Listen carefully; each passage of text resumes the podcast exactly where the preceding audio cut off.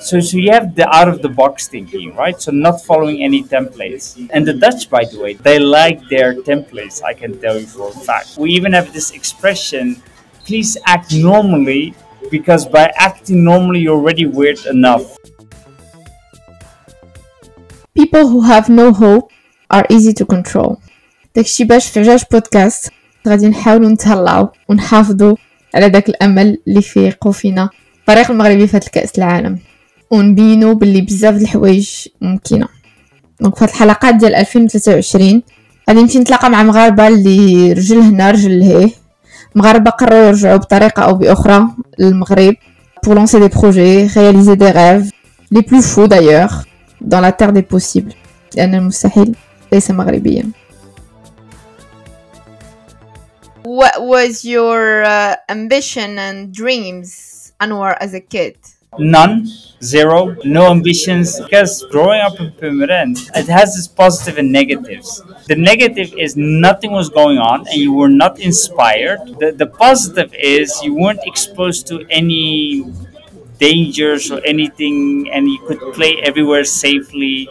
And as a result, you were bored out of your mind. Like literally, like so bored. And I think this was interesting because when you're so bored, you start being curious about a lot of things.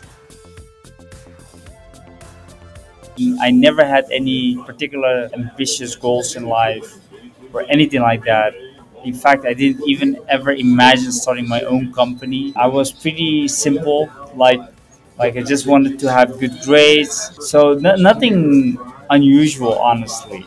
So when it happens, what, what was the trigger? And then I got exposed to the US culture, and that had a big impact on me because that opened up the possibilities of human motivation and human invention.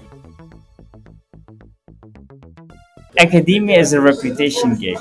All you're doing in academia for at least the first two decades of your career is trying to convince other academic researchers that you're really smart. And that's how you progress in your career as an academic. So so forget about having impact. Forget about your having your own theories. All you have to focus on is for you to be taken seriously, for you to progress in your career. And you, and you can make a lot of money, by the way, in academia. That's also something I learned. I was surprised that, that a lot of sometimes people tell you that in academia there's no money, but that's not true. If you know how to publish in top journals, you can get great paying jobs. But don't think you're gonna get have any impact. What you're doing is you're convincing top researchers that you are a top researcher and that's how you get the top positions. That's it. That's the game. Now, if I showed you a new idea, right? I, I show, hey, Sarah, I have a new mineral water brand. Would you buy this? Now, you might be, you have nothing to lose by telling me very positively, of course I would buy it. Look at you. I mean, such a nice product. Yes, of course I would buy it. Sign me up but in in in reality you wouldn't if it is made available in in the market and that's a big problem. So Veylinx solves that problem by making it realistic. So we see actually when we do our studies that most people indicate that they're not willing to pay anything for the product. And that's fine uh, because now we can give decision makers a realistic view of actual demand of the product. And they can then make these important decisions on whether or not the product is going to become available So tell me today, if you're gonna introduce uh, Veylinx, how you gonna paraphrase the, the problem you're solving today? how can i predict for example what you are to buy now i can approach it the following way which is the standard way which is i'm to do an interview. I'm going to sit down together and ask a number of questions and ask hey sarah what are you planning to buy? Um, i can also do it in a bit more structured way through a survey right? Uh, but that, that is basically the default approach. Now here's the thing.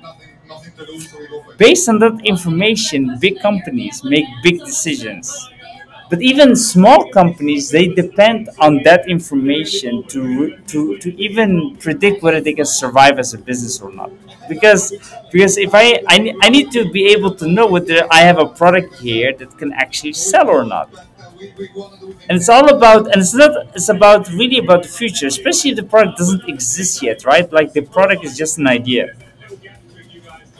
Now again the traditional way is to simply listen what people claim focus group survey. And what i introduced is can we measure what people are willing to pay for in a predictive way but also in a realistic way? And what Veylinx does is that we're able to put you in a setting where you need to make, where, where you risk your own money to indicate to me whether you're gonna buy this or not.